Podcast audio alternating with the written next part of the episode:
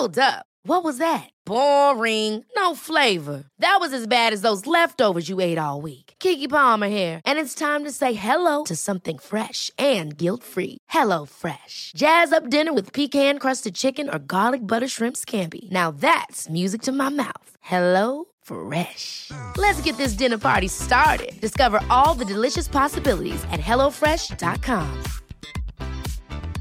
Cool fact a crocodile can't stick out its tongue. Also, you can get health insurance for a month or just under a year in some states. United Healthcare short term insurance plans, underwritten by Golden Rule Insurance Company, offer flexible, budget friendly coverage for you. Learn more at uh1.com. Hey, it's Ryan Reynolds, and I'm here with Keith, co star of my upcoming film, If, only in theaters, May 17th. Do you want to tell people the big news?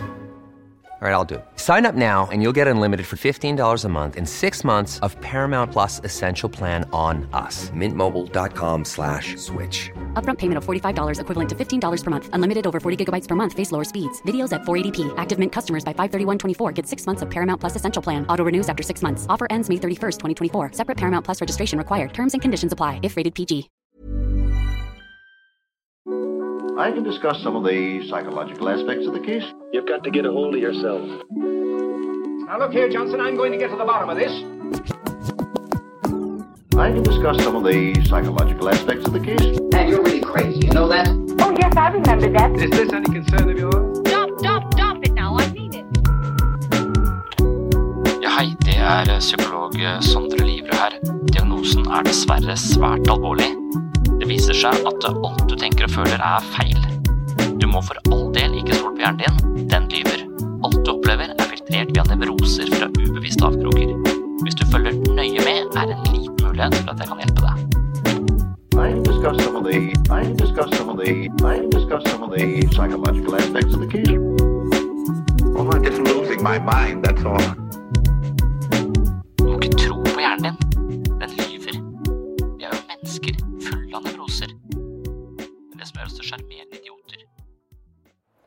Nå, du er klar. Jeg er klar. Eller egentlig ikke, men eh, Klar nok. klar som jeg kan eh, få blitt. Ja. Ja. Det er bra. Jeg er redd for leger, så men uh, så det- 27.4.2022 var jeg på hotellet ved Dyreparken i Kristiansand for å holde et innlegg på årets legekonferanse.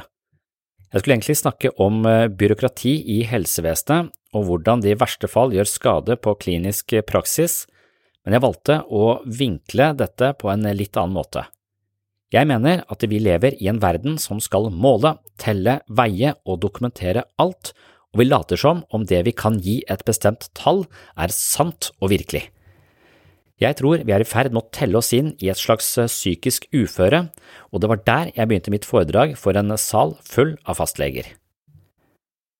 Det er også noe som kalles for helseparadokset i vår tid, som er interessant å reflektere over. Selv om helsetilstanden i vår del av verden har bedret seg betraktelig vurdert ut ifra dødelighetstall og middel levetid, har befolkningens tilfredshet med egen helse blitt redusert. Forekomsten av symptomer og ubehag øker, og folk føler seg ofte syke. Vi lever sunnere, har bedre velferdsordninger, høyere materiell velstand, men likevel så føler vi oss mer ulykkelige. Hvorfor er det slik? Dette er en tematikk jeg har berørt mange ganger her på sinnssyn, og jeg tror det er en tematikk som er såpass komplisert at man aldri vil finne et entydig svar, men jeg tror det er mange tendenser som kan peke i retning av en dypere forståelse for det som vi eventuelt da kan kalle for helseparadokset. Og det er den amerikanske psykiateren Arthur J. Barsky som er mannen bak dette begrepet helseparadokset, og han har flere forklaringer på fenomenet. For det første har medisinske fremskritt og bedrede levekår ført til at flere lever lengre med sine sykdommer og derved får flere kroniske plager. Dernest er helsebevisstheten i samfunnet økt, og folk er mer oppmerksomme på sine plager.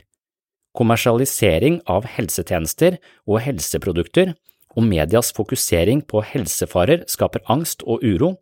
Folks forventninger har dessuten hele tiden økt litt mer enn den medisinske utviklinga og den ressursmessige tilgangen gir grunnlag for, noe som har skapt en økende kløft mellom forventningene om behandling og symptomfrihet og den virkelige situasjonen. Sykdom og død er uløselig knyttet til menneskers liv, og det moderne mennesket glemmer iblant at døden ikke kan forhindres, bare utsettes.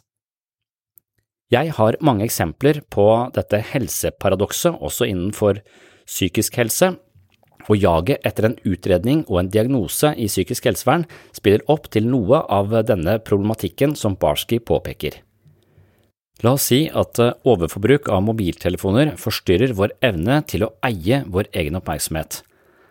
Og med å eie vår egen oppmerksomhet så mener jeg at man innenfor psykologien har eh, på sett og vis identifisert to typer oppmerksomhet. Det er den oppmerksomheten jeg selv kan kontrollere og bruke på det jeg bestemmer meg for, for eksempel å lese en bok og beholde konsentrasjonen på boka over lengre tid, for det har jeg bestemt meg for. Og så er det den typen oppmerksomhet som eh, aktiveres når noen roper navnet mitt, for eksempel, og jeg snur meg på uh, automatikk, altså en oppmerksomhet som ikke er viljestyrt, men mer refleksiv. Jeg reagerer refleksivt på en eller annen distraksjon i omgivelsene mine som krever min oppmerksomhet. Og hvis man hele tiden stimulerer den typen oppmerksomhet som er refleksiv, altså at vi ikke selv bestemmer uh, hvor vi skal rette oppmerksomheten, det er ikke viljestyrt på samme måte, hvis det er den typen oppmerksomhet som hele tiden stimuleres, så vil vi lett bli distraherte. Og når vi da går rundt altså med en mobiltelefon eller en smarttelefon i lomma og sjekker den oppimot 150 ganger i løpet av døgnet, altså den piper eller lager en eller annen vibrasjon som krever vår oppmerksomhet, og den er med oss overalt, også inn på soverommet, så kan det tenkes at nettopp denne ikke-viljestyrte refleksive oppmerksomheten blir stimulert i altfor høy grad, noe som kanskje går på bekostning av den viljestyrte oppmerksomheten. Hvis vi da utvikler en form for rastløshet, blant annet på grunn av eh, en ny teknisk kulturell artefakt, som faktisk påvirker hjernen vår på uante måter, og da snakker jeg selvfølgelig om mobiltelefonen, og enkeltmennesket leser de diagnostiske kriteriene for ADHD og kjenner seg igjen, vil vedkommende gå til fastlegen og be om en henvisning til psykisk helsevern. Altså, de fleste som leser kriteriene for uh, diagnosen eh, ADHD eller oppmerksomhetsforstyrrelse, de vil kjenne seg igjen hvis de er et moderne menneske med en uh, smarttelefon. Og studier fra denne psykiateren Bluma Saigarnik har jo vist at mennesker opplever et mildt psykisk ubehag før en oppgave er gjennomført, og siden hjernen tolker distraksjoner som en ufullendt oppgave, og moderne mennesker får da disse push-varslene og sjekker mobilen sin mer enn 150 ganger om dagen, er det ikke utenkelig at dette kan være én av et utall årsaker til opplevelsen av rastløshet som spiller opp til et ADHD-aktig symptombilde stadig flere identifiserer hos seg selv. Og da er jo spørsmålet da, om denne tekniske, kulturelle artefakten som vi kaller en eh, mobiltelefon eller smarttelefon, altså påvirker hjernen vår på eh, uante måter, sånn at enkeltmennesket kjenner seg igjen i de diagnostiske kriteriene for ADHD, og dermed kanskje skaffer seg en henvisning til psykisk helsevern. Hvis man da får rett til en utredning, og man uh, da forsøker å nøste tilbake, å, tilbake i fortiden altså, for å spore en type uro fra ung alder, for ADHD krever jo at man har vært urolig hele livet, det er jo en utviklingsforstyrrelse, det er ikke noe man pådrar seg, selv om jeg mener selv å ha pådratt meg en type ADHD fordi jeg føler at oppmerksomheten min eh, stadig svekkes og evnen til å lese over lengre tid er redusert. Det kan være fordi jeg blir gammel, men det kan også være fordi at jeg eh, distraheres av denne forbanna smarttelefonen like mye som alle andre mennesker. Men når man da kommer til en eh, utredning, så er jo da spørsmålet har du vært urolig hele livet, er dette en ekte utviklingsforstyrrelse? Og som sagt, hvis man da er født med en mobiltelefon, så kan jo denne uroen ha er noe man er født med, denne tingen. Om det da er en utviklingsforstyrrelse, altså en feil i hjernen, eller rett og slett noe man har pådratt seg ved å bruke hjernen sin på en sånn måte at eh, oppmerksomhetsspennet vårt reduseres, det er jo helt umulig å si noe om. Dessuten så er det vanskelig for voksne mennesker å spole tilbake til barndommen og huske om den er preget av den type uro som vi da skal uh, ja, legitimere for å kunne forsvare en ADHD-diagnose. Da må vi ofte spørre folk som har vært rundt, vi spør foreldre for å huske om eh, personen da har vært urolig helt fra barndommen. Og hvis man da klarer å svare ja på disse spørsmålene, jeg har vært urolig, jeg har vært rastløs osv., svare ja på alle disse spørsmålene igjen, for eksempel en Diva, som er et utredningsverktøy for ADHD, og når vi da teller eh, disse subjektive svarene, hvordan man mener å huske at ting var, så får vi et antall ja- og et antall nei-svar, og så fort vi får et tall over en viss terskelverdi, tenker vi at vi har en objektiv diagnose som kan kureres med Ritalin, altså et amfetaminderivat. Ideen er da at ADHD er en mer eller mindre medfødt utviklingsforstyrrelse, eller egentlig det er en medfødt utviklingsforstyrrelse, og enkeltmennesket blir da bærer av en forstyrret hjerne mens det kanskje i like stor grad handler om en kultur som har tillatt at menneskets eh, oppmerksomhet blir beslaglagt av teknologifirmaenes utspekulerte algoritmer. Avisene skriver om mennesker som fikk påvist ADHD i voksen alder, ble medisinert og fikk et nytt liv. Problemet er at de fleste som leser kriteriene for ADHD vil kjenne seg igjen, og det neste problemet er at de fleste som tar Ritalin vil oppleve god effekt. Forsvaret gir Ritalin til jagerpiloter ved særlig utfordrende oppdrag, nettopp fordi det fungerer skjerpende på alle. Og I psykisk helse opplever vi at uh, oppimot halvparten av alle henvisninger vi får, går på utredninger for ADHD, og i verste fall får vi et samfunn på amfetamin dersom ikke stritter litt imot inflasjonen i denne diagnosen. Med andre ord er det mange faktorer som fører til menneskers opplevelse av plager, til tross for at vi som samfunn aldri har hatt bedre forutsetninger. Kanskje tenker vi at livet skal være uten motgang, og at alt som representerer motgang er feil og må utredes, noe som igjen skaper enorme køer foran psykisk helsevern, og mange blir avvist. Jeg mener ikke å si at uh, eksempelvis ADHD ikke eksisterer, eller at uh, det å ha en uh, psykisk plage ikke fins, men spørsmålet er hvor vi legger lista for hva vi anser som unormalt og psykisk hva skal man si, ikke innenfor eh, normalvariasjoner, og etter hvert så lurer jeg på om lista ligger såpass lavt at de fleste av oss vil kvalifisere for en diagnose.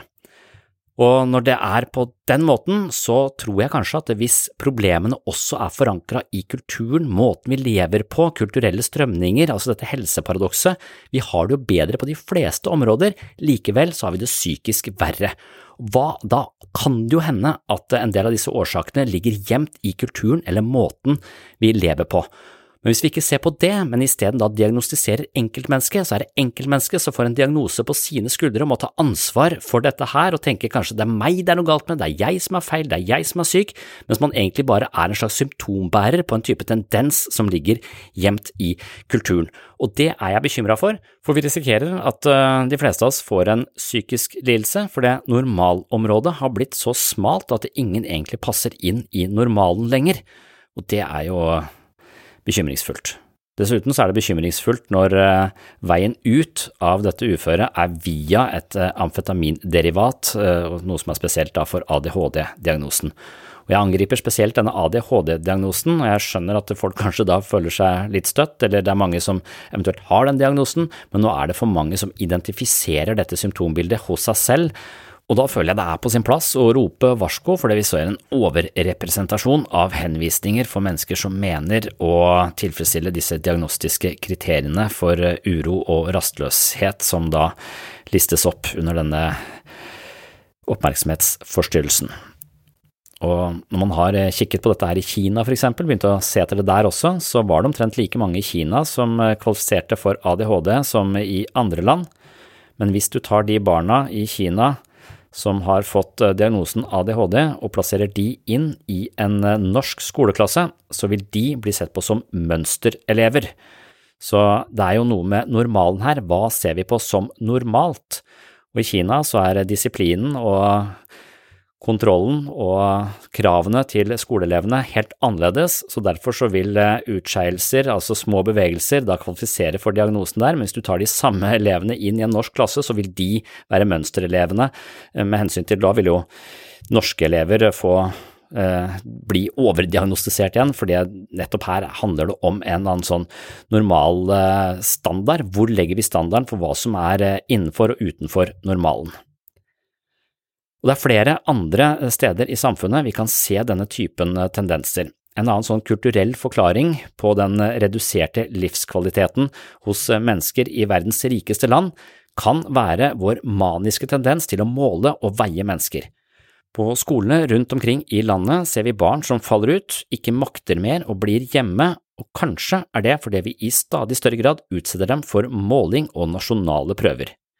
De blir observert, vurdert og gitt et tall som gir muligheten for å sammenligne seg med andre.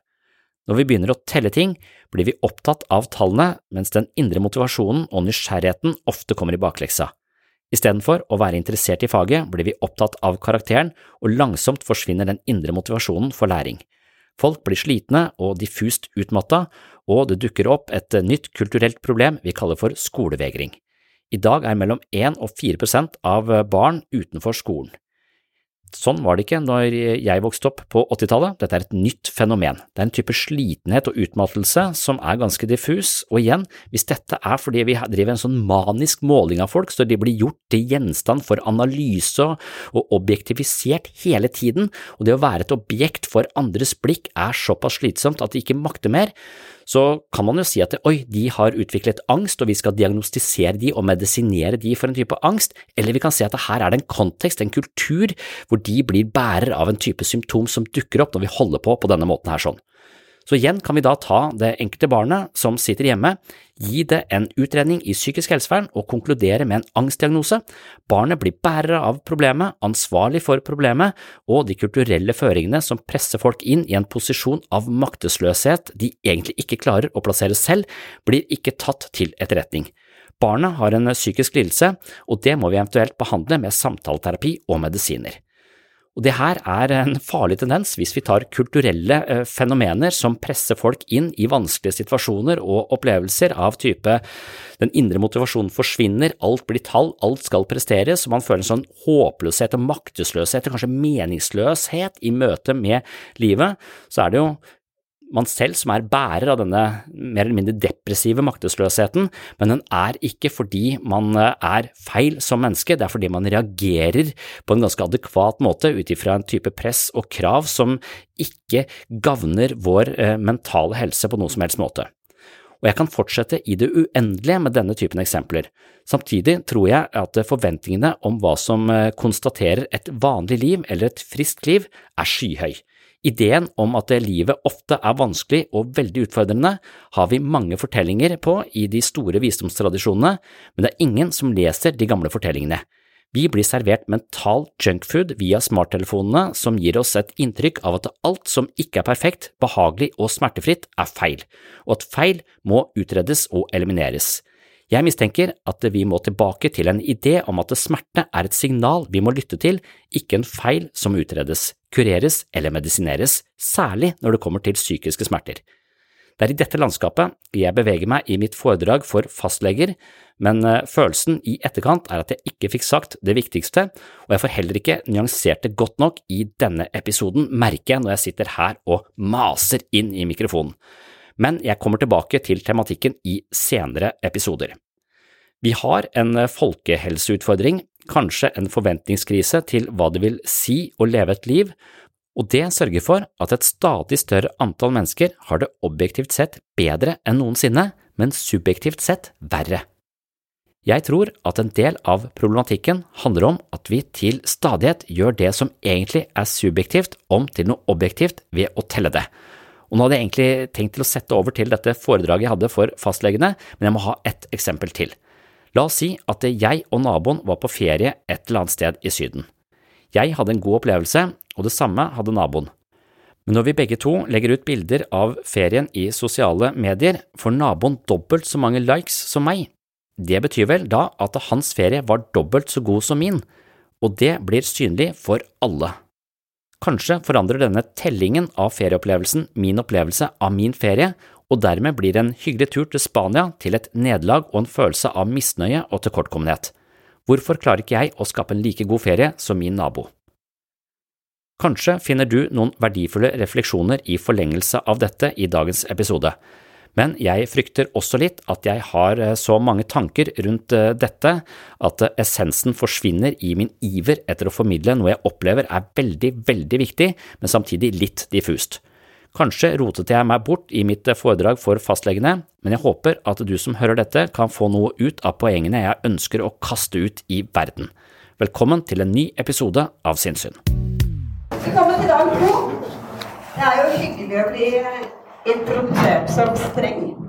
Da har vi liksom satt scenen for at vi holder eh, i hvert fall alle tidene i løpet av dagen. Førstemann ut i dag er Sondre. Vær så god, Sondre. Sondre Liverød, psykolog, eh, gruppeterapi, Solvang. Og så driver du podkasten sinnssykt. Mm. Så må jeg si, Sondre, at jeg har gjort en liten tabbe når jeg kobla opp eh, og juksa i noen andre sitt system. Der tenker jeg vi har. Da gir jeg rett og slett ordet til deg med pakkeforløp fra helvete. Vær så god. Ja. Jeg er psykolog, da. Og derfor så snakker jeg om følelsene mine. Og de er litt ute å kjøre. Eh, når jeg kom hit, så tenkte jeg faen meg mer lyst til å gå inn til løvene enn å gå opp her. Jeg syns det er rart, for jeg har pleid liksom Jeg har holdt mye foredrag. Og aldri vært så nervøs som nå, egentlig. Jeg var her jo fjor eller forrige fjor eller når det var sist. Og da var jeg også nervøs, men ingenting i forhold til hva jeg er nå. Så jeg har tatt opp det med en kollega. Og så spurte jeg hva som skjer, liksom. Hvorfor venner jeg meg ikke til det her? Jeg blir jo bare verre og verre. Og han sa at eh, jeg tror kanskje før så var du jævlig cocky eh, og høy på deg sjøl. Eh, nå er du kanskje litt mer ydmyk. Litt lettere å ha med å gjøre. Så hvis du er ydmyk, da får du mer angst. For da skjønner du at andre folk eh, også vet veldig mye, og de vurderer deg, og du blir litt mer eh, så, så før, mer narsissistisk, mer selvopptatt eh, osv., da var det lettere for meg å stå her og være kjepphøy. Det er ikke så lett eh, lenger. Så da har jeg et problem. Så jeg googla 'hvordan bli mer narsissistisk'. Og da sto det 'hvis du googler dette spørsmålet, så må du oppsøke lege'. Så tenker jeg, Det er ikke noe stress. Jeg møter jo 100 av de om et par dager. Ja. Da har jeg snakka litt om angsten min. Um, og så har jeg også funnet ut av hvordan man blir mer uh, narsissistisk. Og det, det, er kanskje det jeg skal snakke litt om, egentlig. Jeg skal snakke om pakkeforløp fra helvete også, men nå spurte sjefen min om hva skal jeg si om pakkeforløp fra helvete. Jeg burde ikke si noe som helst, da. Eh, det pleier aldri å ende bra. Dessuten så har vi ikke pakkeforløp lenger, vi har pasientforløp, så da, okay, da eksisterer ikke pakkeforløp. Det var bare snakk om helvete, da, tenkte jeg. Um, men uh, så jeg er nødt til å si litt om hva som har skjedd de siste ukene i, i mitt liv, for å varme opp til poengene. Og for det der å bli mer narsissistisk, det er faktisk mulig. Og jeg er på god vei, for jeg, jeg, gjør alt som sto på lista. Og, og det, det, er bl.a. det at jeg er litt irritert på dere for at jeg må hit i dag. For at dere har ødelagt søvnmålet mitt for denne uka. Så jeg har sovet dårligere, og derfor har jeg fucka opp hele streiken jeg hadde på, på klokka på søvnmåling. Det er jo litt sånn narsissistisk å tenke. Altså, faen ta de folka der, nå har de ødelagt søvnmålet mitt. Og det, det, er liksom litt i den gata der, da, at jeg har, jeg har tenkt å, å, snakke også. For det, forrige uke så var jeg på tur med barna, og så gikk vi nedover Jeg har tre barn som ikke liker å gå langt. Og så kom jeg ned i skogen, og så hadde jeg og så Å, dæven, jeg har glemt noe, sa jeg. Hva har du glemt? Har du et matpakka? Har du glemt eh, marshmallows? Har du glemt eh, kubber? Nei, jeg har ikke, jeg har ikke lov til å brenne bål uansett, jeg har, men jeg har glemt klokka. Og så Ja, klokka, hva skal du ha? Du har telefon, du vet jo hva tid er. Ja, men det er den som logger skritta. Det er ikke vits å gå her ute i skogen hvis ikke jeg får nok, eh, får nok skritt. Så da måtte vi snu og hente, hente klokka mi. Og, og, i går så, så merket jeg også at jeg, jeg var dritnervøs for, dette her. og Da pleier jeg å koble av med å spille sjakk på chess.com. Satte jeg meg ned i sofaen, skulle jeg logge meg inn. Og så tenkte jeg faen, så sa jeg, hva er det for noe? sa kona mi. Nei, han kan ikke spille sjakk heller, sa jeg. Hvorfor ikke det? For jeg har fått 1600 i rating. Ja, hva så, liksom? Ja, men 1600 i rating, det har jeg aldri hatt før. Jeg er ikke så god. Så uansett hva jeg gjør nå, så kommer jeg til å, så kommer jeg til å gjøre det dårligere. Så da kan du ikke spille? sa. Nei. Ja, men du er jo ikke så god. Nei, tallene lyver ikke, sier jeg. Jeg har 1600, nå holder jeg på det, så må jeg slutte å spille sjakk òg.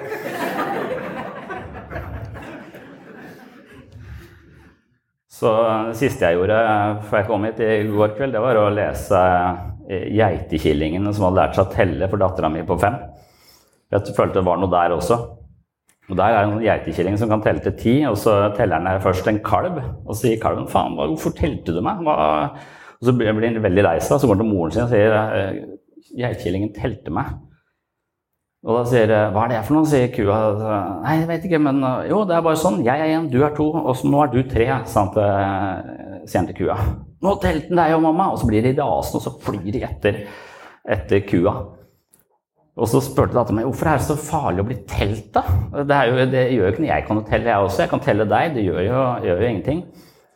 Og det var det jeg også begynte å tenke litt på. Hvorfor er det så farlig å, å bli telt? Og akkurat uh, når jeg begynte å tenke på det, så måtte jeg reise meg, fordi jeg måtte nå oppreist målet mitt. så jeg sto sånn plutselig. Hva er det du driver med, pappa? Jeg må nå opp, nei, Ringene må sluttes på klokka. Jeg vet ikke, jeg får sånne ringer som uh, så alle disse episodene her sånn da, de satte meg på sporet av noe jeg føler kanskje er viktig. Så jeg undersøkte denne tematikken her litt mer, og da fant jeg boka 'Tallskalle' av Mikael Dahlén og Helge Torbjørnsen. Jeg vet ikke om du har lest den. Veldig interessant. Og der står det Man blir mer selvopptatt og narsissistisk av å måle seg selv, eller selvkvantifisere. Dessuten mister man motivasjonen fordi den flyttes fra innsiden til utsiden.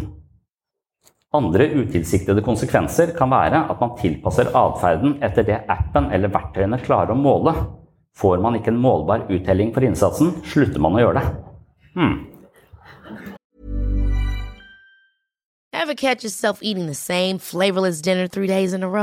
Dreaming of something better? Well, HelloFresh is your guilt-free dream come true, baby. It's me, Kiki Palmer. Let's wake up those taste buds with hot, juicy pecan crusted chicken or garlic butter shrimp scampi. Mm. Hello Fresh.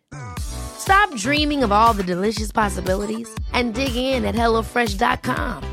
Let's get this dinner party started. Hey, it's Ryan Reynolds, and I'm here with Keith, co star of my upcoming film, If, only in theaters, May 17th. Do you want to tell people the big news? All right, I'll do it. Sign up now and you'll get unlimited for $15 a month in six months of Paramount Plus Essential Plan on us. Mintmobile.com slash switch. Upfront payment of $45 equivalent to $15 per month. Unlimited over 40 gigabytes per month. Face lower speeds. Videos at 480p. Active Mint customers by 531.24 get six months of Paramount Plus Essential Plan. Auto renews after six months. Offer ends May 31st, 2024. Separate Paramount Plus registration required. Terms and conditions apply if rated PG. Life is full of what ifs. Some awesome. Like what if AI could fold your laundry? And some, well, less awesome. Like what if you have unexpected medical costs? United Healthcare can help get you covered with Health Protector Guard fixed indemnity insurance plans. They supplement your primary plan to help you manage out of pocket costs. No deductibles, no enrollment periods, and especially no more what ifs. Visit uh1.com to find the Health Protector Guard plan for you.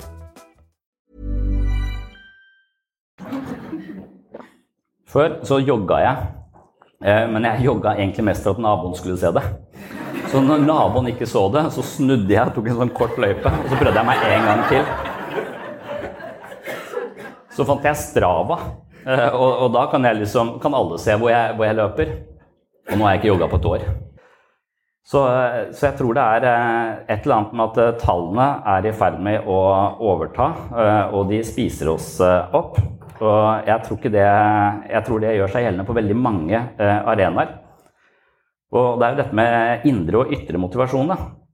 Så eh, ytre motivasjon altså, Det kan jo være å gjøre en skoleoppgave fordi man får gode karakterer, eller ta en jobb fordi det ser bra ut på CV-en.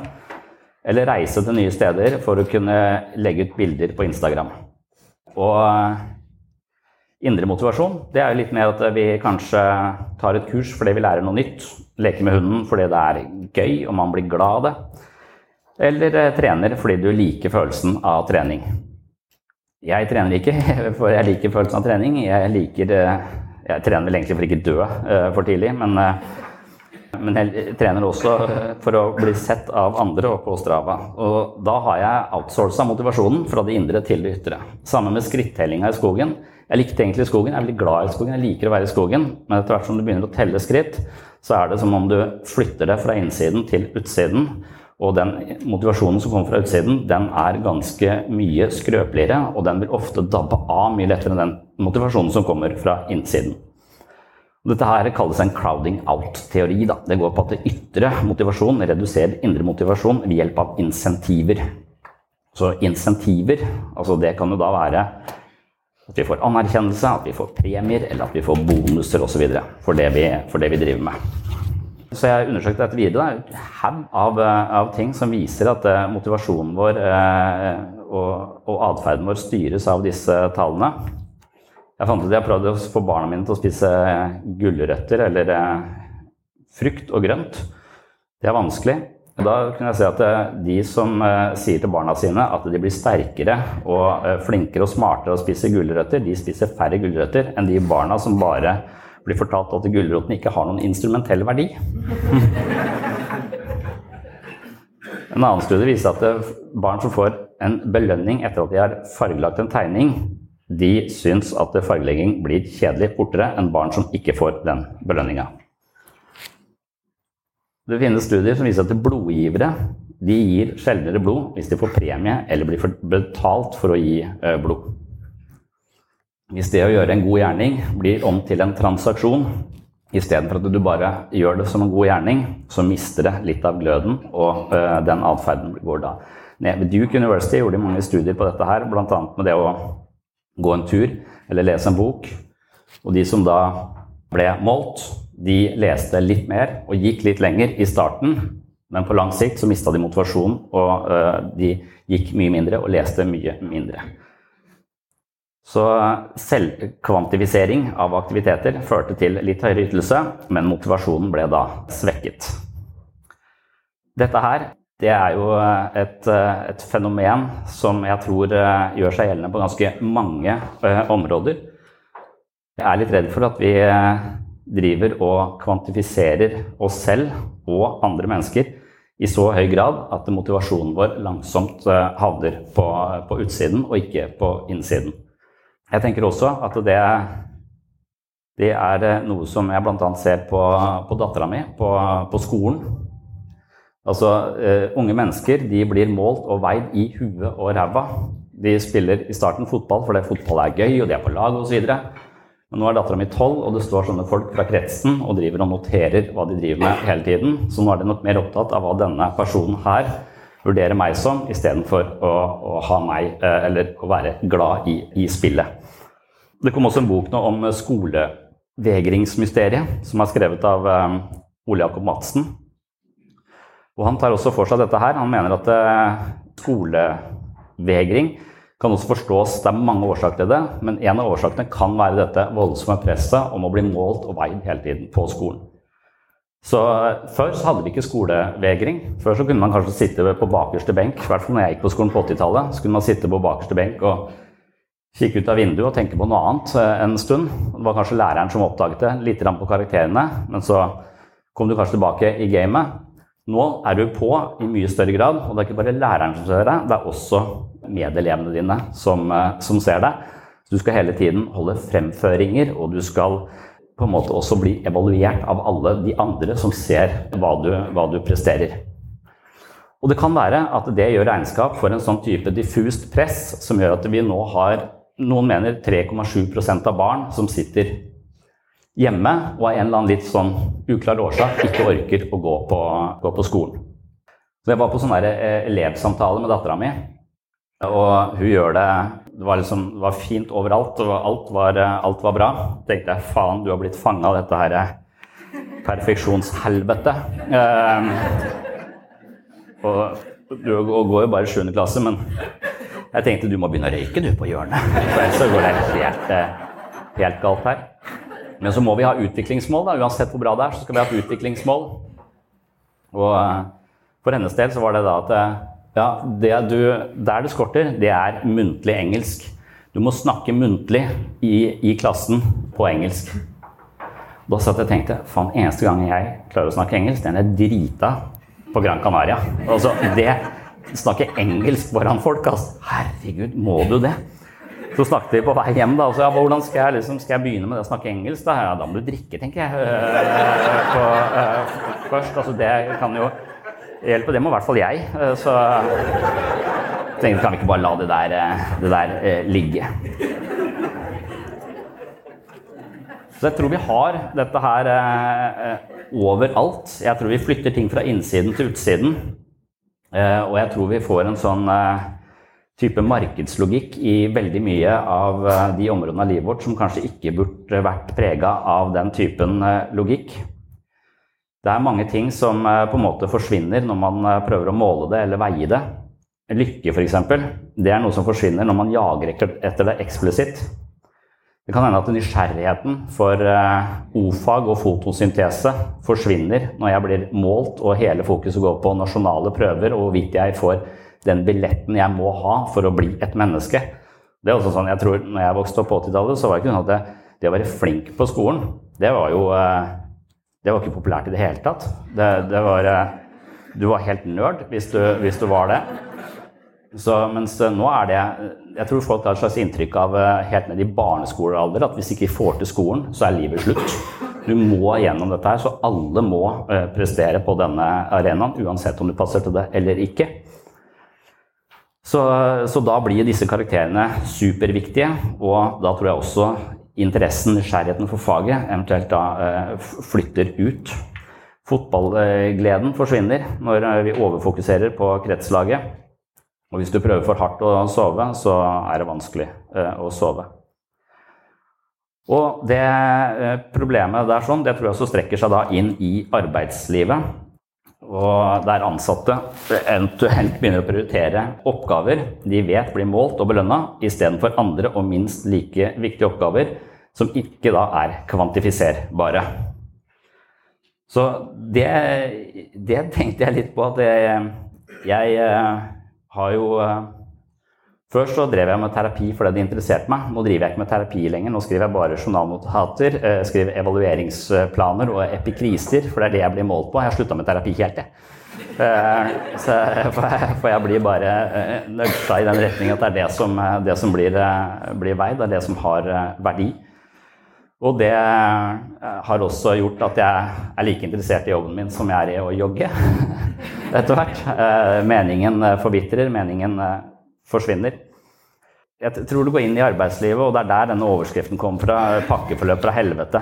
Eh, ikke fordi jeg nødvendigvis er så innmari mot akkurat pakkeforløp, jeg bare selvfølgelig spiller den samme melodien hvor en eller annen byråkrat med en eller annen blåruss da, skal drive og måle og veie humanistiske fag, sånn at de kan sammenlignes, gjøres kvantifiserbare, så vi kan sammenligne ting. Og på en eller annen måte så vil mennesker som blir målt, de vil forandre seg. Og sånn er det med mennesker. Hver gang vi måler de, så forandrer de seg.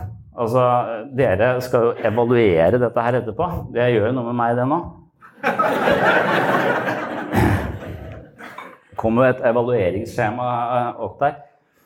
Hvis, hvis, hvis, du er forsker og studerer planeten Pluto og degraderer den til en dvergplanet Jeg tror ikke Pluto blir så stressa over det eller begynner å gå en helt annen bane. Faen, det er en dvergplanet. Nå får jeg lav selvfølelse. Hvis du måler mennesker så vil den målingen forandre de. Hvis du diagnostiserer de, teller de, så vil de forandre seg. Så hvorfor den kua er så jævlig redd for å bli telt, etter hvert så skjønner jeg det. Jeg er redd for, jeg er den kua. Jeg er dritforbanna på alle som skal telle meg. Og det er, og det er der eh, denne mm, kronikken da, som heter 'Pakkeforløp fra helvete' eh, oppsto. Og bare før det, så tror jeg det samme greia tror jeg vi er, som jeg prøver å komme inn på litt etterpå, men dette med sosiale medier er også i, i samme gata. Der eh, det er en som heter Jaron Lanier, som mener at eh, sosiale medier er så omfattende og påvirker så mange mennesker at det nå ligner en type religion. Normalt sett så har religion kanskje vært noe som vi lurer på meningen med livet, vi lodder dybden i oss selv, vi kjenner på opplevelser av mer subjektiv karakter osv. Mens eh, sosiale medier, som også nå påvirker oss eh, altså Normal person sjekker telefonen sin 150 ganger i løpet av døgnet.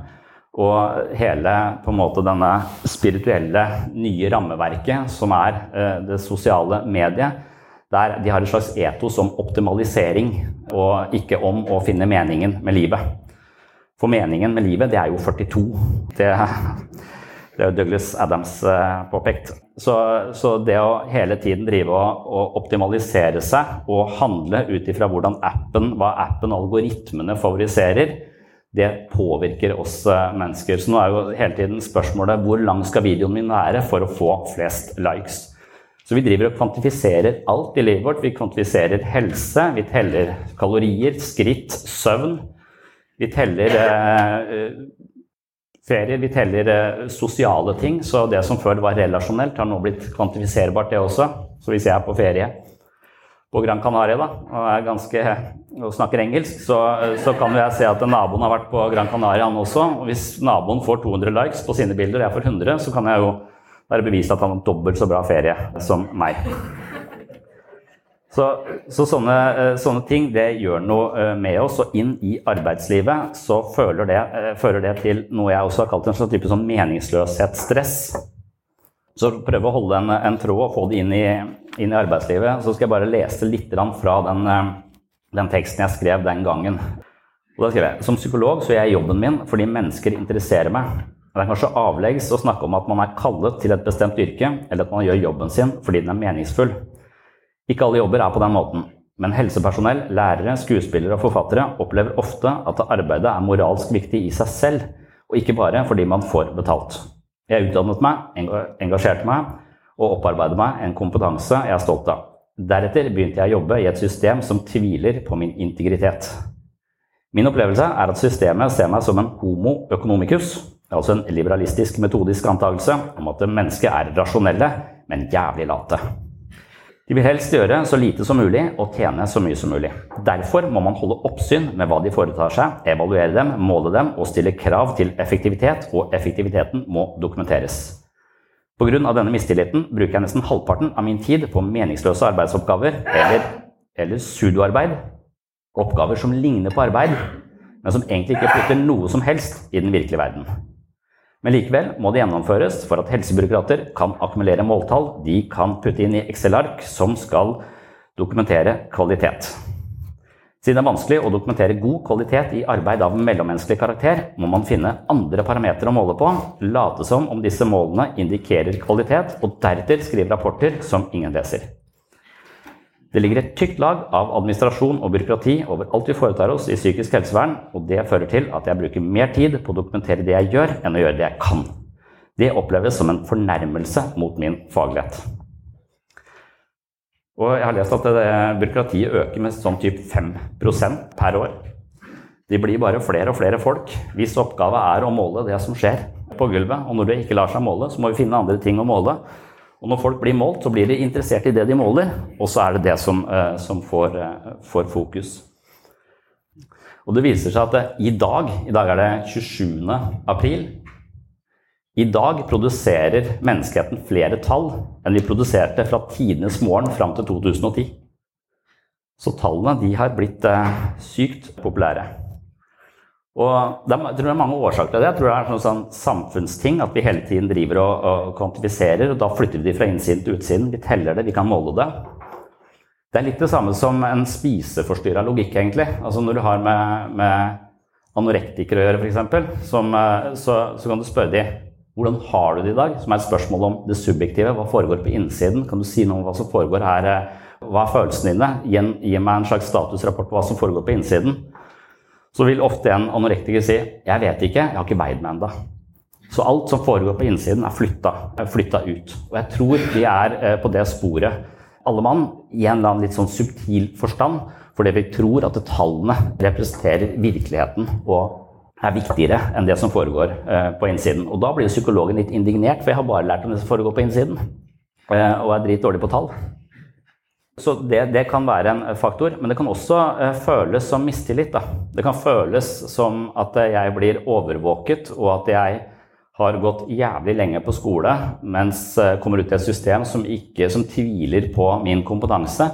Fordi jeg blir detaljstyrt ned til minste spørsmål jeg skal stille. Og det, det, føles jo Da blir jo sånn som eh, meg, sånn som kuer som ikke liker å bli telt, ganske fornærma. Så da skriver jeg videre at nordmenn har en lang tradisjon for å stole på hverandre. Tillit er den faktoren som gjør at vi gang på gang kåres til et av verdens lykkeligste land. Vi blir slått av Finland, da. De, de er bedre, og jeg tror de måler mindre. Men uh, han, uh, Helge Torbjørnsen, som skrev den tallskallet, han har forsket på finner. Og han har spurt 1000 finner hvordan de har det, hvor lykkelige de er. Og så viser det at jo mer du spør dem, jo flere ganger blir, de blir bedt om å måle uh, hvor lykkelige de er, så daler det. De blir mindre og mindre lykkelige av å bli målt. Så jo mer du måler de, jo mindre lykkelige blir de. Så eh, det er et interessant, uh, interessant funn. Så da tenkte jeg da bare måler vi finnene hele tida, så kommer vi opp på førsteplass igjen. Eh, altså Tillit det er også noe som kjennetegner det norske samfunnet. Det så vi under pandemien på en måte også. Vi har tillit til eh, sånn at vi kan stå sammen. Du kan miste en lommebok i Oslo, og sjansen for at du får den tilbake, er ganske stor. Det skjer ikke så mange andre steder i verden. Vi har en kultur bygget på tillit, og derfor er det beste forutsetningene for et arbeidsliv hvor arbeidsgiver og arbeidstaker kan stole på hverandre. Likevel har vi importert styringssystemet New Public Management fra Storbritannia, hvor det er langt mindre tillitsfulle enn det vi er. Dette har gitt oss eh, auditeringer, målinger, registreringer og tusenvis av spørsmål som skal stilles, dokumenteres og rubrikker som skal krysses av. Og hvis ikke vi kan krysse av, må vi journalføre hvorfor. Vi er i ferd med å overmannes av studioarbeid fordi ingen tør å si at homo economicus representerer en feilslått mentalitet. Når jeg har hevdet dette i tidligere kronikker, har til og med byråkratlojale kollegaer insinuert at jeg er naiv som tror at mennesker også kan være styrt av sin samvittighet, faglige stolthet og ønske om å gjøre en god og meningsfull jobb for de som trenger oss. De mente at det, når jeg skrev dette, så, så, kom det noen andre i systemet som mente at det, folk som er motivert fra innsiden, de blir utbrente, sa de. For det er jo alt det jeg outsourcer til det ytre som gjør meg utbrent. Det som kommer innenfra, det er jo vitalt. Så jeg tror det er, jeg tror det er motsatt. Så jeg jo da målt på hvorvidt jeg skriver en epikrise i løpet av samme dag som pasienten forlater mitt kontor. Hvis jeg sitter på livsnødvendige opplysninger som fastlegen må ha, så sender jeg en rapport sporenstreks. Men som regel så er ikke det noe som haster. I stedet bruker jeg da min tid på å møte andre pasienter, men da kommer jeg dårlig ut på kvalitetsmålingene. Og da er spørsmålet hvorfor det er så mye dårligere kvalitet. Jeg er ikke alene om å oppleve dette som meningsløst. Og det avstedkommer da en særegen form for stress det er en følelse jeg har av å gjøre noe unødvendig på bekostning av noe meningsfullt. Og jeg mistenker at nettopp det er kilden til eh, utbrenthet hos eh, mange. Jeg føler meg litt sånn jeg føler jeg kommer i et slags moralsk dilemma når jeg må gjøre noe som jeg opplever Jeg skriver noe som jeg vet ingen kommer til å lese. Jeg bruker jævlig mye tid på det. Og så vet jeg at jeg kunne heller eh, brukt tida mi sammen med andre, og da kommer jeg sånn type jeg føler jeg, blir, jeg føler jeg blir litt moralsk voldtatt av systemet. Det er dette som måles, det er det jeg gjør, men jeg burde gjort uh, dette. Og hvis jeg gjør det, så bryter jeg reglene på en måte. Så når jeg møter en ny pasient, så får vedkommende hundrevis av spørsmål som de skal fylle ut selv. I vårt uh, første møte så er det påkrevd å spørre om fortid, voldsrisiko, allergier, familie, økonomi og masse mer. Deretter stiller jeg dem hundrevis av standardiserte spørsmål fra et diagnostisk intervju, og hvis de svarer bekreftende på flere av dem, så må jeg stille opp med et stort batteri av ytterligere spørsmål. Og hvis de har tanker om å ta livet sitt, så har jeg et omfattende prosedyrer jeg skal følge. Jeg kunne jo bare vært et medmenneske og brukt min kompetanse og møtt pasienter der han eller hun er. Jeg mener at jeg kan ta ganske gode avgjørelser i kraft av å være spesialist i klinisk eh, voksenpsykologi, men jeg føler meg av og til bundet på hender og føtter av dokumentasjonskrav, prosedyrer og da pakkeforløp som ikke nødvendigvis tilfører noe annet enn bare mer av det samme som nå heter pasientforløp. Og det er mange pasienter som også blir fornærma av at jeg stiller de så eh, mange spørsmål. Det er, det er liksom Jeg bruker seks timer på å utrede eh, et menneske som kommer inn og sier jeg er deprimert. Og etter seks timer med tusenvis av spørsmål så viser det seg at vedkommende er deprimert. Vet du faen, det var jo det jeg sa når jeg kom. Altså, hva men, men, poenget er at du kan ikke bare si det, for det må kvantifiseres. Så jeg skal gjøre det om til noe objektivt. Din subjektive opplevelse at livet er ræva, skal vi nå måle og veie. Og hvis det slår en cutoff på et eller annet madderscore, eller eller sånt noe, så er det virkelig. Det er tallene som er virkelige. Det er det samme som skjer ute hos dere, tror jeg. At dere skal stille de spørsmålene. Og hvis dere får så høye tall, så kan dere sende eh, videre. Og tallene, de lyver jo ikke. Akkurat som at jeg har 1500 i rating eh, i sjakk. Det, det, er jævlig lavt, da, men for meg så er det jævlig bra. for jeg mm. Nå lurer jeg på hvor mye Niklas er akkurat nå. Og jeg, jeg, tror en annen ting jeg var opptatt av i dette, her, som jeg syns eh, også en, en, ting er en følelse av mistillit, og jeg vet ikke om det er mistillit, om du bare er fanget av disse, denne tallpsykosen som uh, han Torbjørnsen snakker om.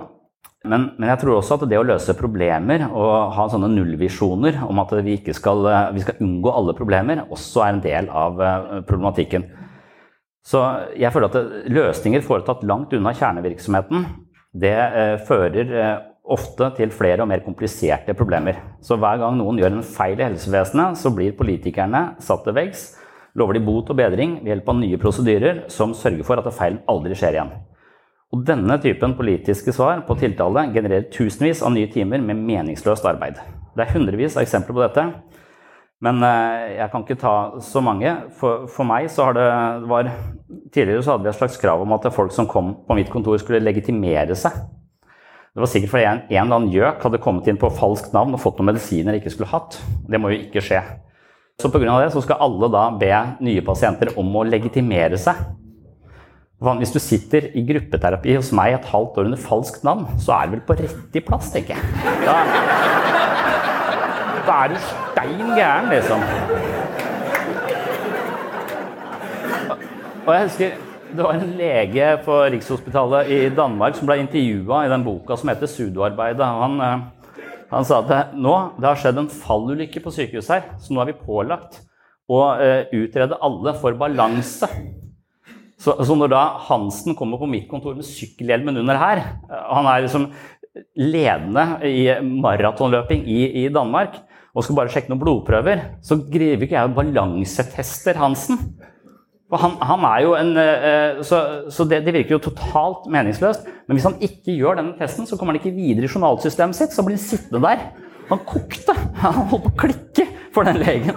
Det, det var interessant å, um, eh, å, se på. Så jeg tror kanskje vi må bare tenke at shit happens. Og istedenfor å prøve å hele tiden lage nye prosedyrer hver gang det skjer en feil, så må vi tenke ja, ja, det, det, det, må vi leve med. Heller prøve å løse problemene når de oppstår, enn å sørge for at det ikke skjer. For Hvis vi skal være så innmari opptatt av sikkerhet, så får vi ikke gjort noe annet enn å unngå at det feil skjer, istedenfor å gjøre, gjøre jobben vår. Og Det syns jeg også kan bli et, eh, et kjempeproblem jeg, jeg mister sånn 9-11, da. Eh, eh, når, når det styrta noe fly. Eh, så ved sikkerheten på flyplasser ble økt dramatisk. Og der nå bruker folk 10-15 minutter lenger gjennom sikkerhetskontrollen. Sykt mye mennesker jobber med sikkerhet for å sjekke at ingen har en bombe i, i skoa.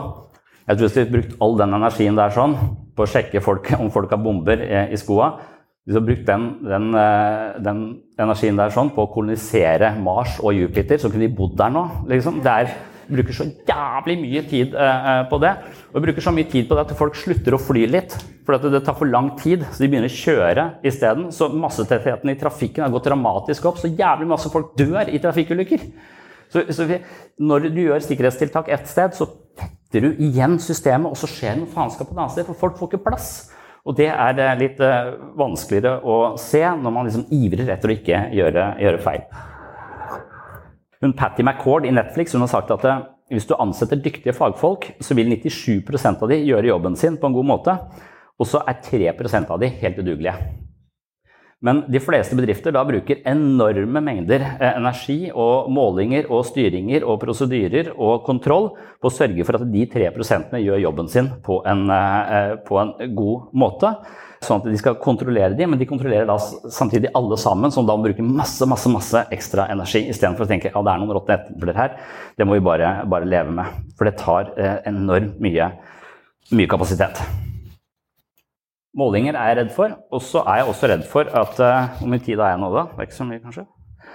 Ja, for da fikk jeg ikke sagt det jeg skulle si, da. Um, jeg mener at vi også driver og måler uh, pa pasienter på en sånn måte at vi ønsker at det skal være noe objektivt. Og jeg tror pasienter har en slags forestilling om at det skal være noe objektivt. Så da vil de på ethvert livsproblem som ikke Og vi har en slags nullvisjon også. Livet skal gå på skinner. Livet skal ikke være spesielt vanskelig. Hvis det er vanskelig, så må det være et eller annet feil. Og hvis det er noe feil, så må det kunne måles. Så hvis du våkner på natta med hjertebank og kaldsvette, så tenker du at eh, Og det gjør jeg av og til. Eh, så tenker man kanskje at eh, jeg har utviklet en eller annen sykdom, går til fastlegen. Du får diagnosen panikkangst, du må ha en medisin eller du må ha en type behandling. Dette må utredes. Hvis du bodde ved siden av Kirkegård for noen hundre år siden, så ville Kirkegård sagt hvis du våkner på natta med hjertebank og kaldsvette, så er du hjemsøkt av en tjenende ånd som tvinger deg til å ransake sjelen din. Det er et eller annet i måten du lever på som ikke er overens med verdiene dine, med idealene dine. Kanskje er det et spørsmål du har utsatt å besvare, kanskje det er ting du må ta hensyn til som du ikke tar hensyn til, osv. Så, videre, og så, videre. så da får vi på en måte to helt forskjellige forklaringer. Noen tenker at symptomer er noe vi bør undersøke, det er et signal om at noe er feil. Mens i vår idé om at ting skal gå på skinner, så er symptomer noe som skal fjernes kirurgisk, nærmest. Nå altså, har det gått en slags inflasjon i bl.a. ADHD. Det er jæklig mye folk som uh, mener at de har konsentrasjonsproblemer. Og jeg tror at en, en russisk psykiater han har sagt at han har sjekket at hvis vi blir distrahert, så vil kroppen reagere med en type mild frustrasjon, lignende angst. Når vi da har en mobiltelefon som påkaller vår oppmerksomhet 150 ganger eh, om dagen, så vil det ligne en sånn distraksjon. Så vil det gå rundt med en type rastløshet og uro inni oss. Når vi tenker at det passer jo akkurat på ADHD, så da må jeg utredes. Skal vi bruke åtte timer på å ringe til læreren din og høre om du var urolig før? Og hvis de svarer ja på nok spørsmål, så blir det sant, for da bare teller vi antall ja, og så har du diagnosen ADHD. Jeg har fått en lærer som ringte. Du, var det Roger du nevnte? Jeg, jeg svarte jo Jeg trodde det var Ronny du mente. Ja, nå går han på amfetamin, han fyren der. Altså Så når vi har en slags idé om at det bare vi får, får målt også, Og dere sender noen av disse henvisningene. Altså, her, her, er det folk som mener de har ADHD, noe som skal, skal da ende opp med en amfetaminløsning. Altså problemer med å holde kontakt med venner fra andre byer. Det er, står i en henvisning. Er, kan det være ADHD? Faen, jeg klarer ikke å holde kontakt med kona mi! Vi bor under samme tak! En annen som har råtne tomater. Han kjøper mat, setter han maten inne og så setter han noe utafor, så han ser ikke hva som er bak. Så mugner det. Og så var det en dame som mente hun kanskje hadde ADHD fordi hun var frekk mot kollegaer. Vanskelig å konsentrere seg om kjedelige ting. Altså, det er vanskelig å konsentrere seg om kjedelige ting. Altså, hva, hva, hva er det du ikke forstår med kjedelig? Altså, hvis det er lett å konsentrere seg om kjedelige ting, da er du gal, da! Klarer ikke å lese en bok? Nei, gjør ikke jeg heller. Hvis du klarer å lese over 30 minutter i dag uten å sjekke telefonen din, så er du en minoritet. Jeg mener at det, Hjernen er også noe som må trenes opp. Jeg tror kanskje konsentrasjon er noe som trenes opp på lik linje med kondis. Ikke hele tiden få et, en amfetaminderivat som, som, løsning. Og egentlig så har jeg tenkt å si mye mer om denne forholdet mellom det subjektive og det objektive. For det mener vi hele tiden, også i psykisk helsevern, og vi er med på dette spillet. Vi teller og veier eh, pasientene våre, og vi gjør det subjektive om til noe objektivt. for da er det på en måte noe som er eh, virkelig. Og det er et spill jeg tror vi ikke eh, er tjent med i det hele tatt. For jeg tror det fremmedgjør oss, og jeg tror det også går glipp av en hel haug av ulike løsninger som vi kunne hatt. Så medisiner og samtaleterapi, det er stort sett det vi driver med. Men altfor mange tror at det er noe galt med dem, og altfor mange har ikke da tenkt hvor mye sosial er jeg, hvor mye jobber jeg, hva spiser jeg? Det er tusenvis av ting som spiller opp til hvorfor vi har det sånn som vi har det. Nå mm. er tiden inne. Du har én setning til, og så må vi gå til landing. Mm. Men du kan få verdens beste punchline. Ja, har du den, eller? Nei. Nei. Nei, det må være denne, denne artikkelen uh, som sto i legetidsskriftet eh, om forventningskrisen eh, i psykisk helsevern. At vi har en slags forventning. Og jeg tror vi har lagt cutoffen for hva som er på en måte psykisk sykt, veldig veldig lavt. Og, og, dermed så er vi overveldet av folk som mener å ha en eller annen spesielt en feil i konsentrasjonen sin. Det har jo alle mennesker som har en smarttelefon. Og det å finne ut av hva som er hva her, det tror jeg. Så jeg skulle ønske at vi slutta å medisinere folk for ADHD, og heller tilbyr de kurs i mindfulness. Du må trene ukentlig tre timer i uka på å sitte stille og konsentrere deg. Da, eh, da hadde det ikke blitt så populært lenger. Eh, for det hadde jævlig slitsomt. Jeg vil gjerne ha en enkel løsning på et komplisert problem, og det er vi ikke tjent med. Jeg har hørt deg mye lenger, og dette var tidenes beste Tidenes beste intro til paneldebatten, det må jeg si. Eh, I mellomtiden så får du en Julius av oss. Hei, tusen takk. Sikkert noen av disse barna ja, ja.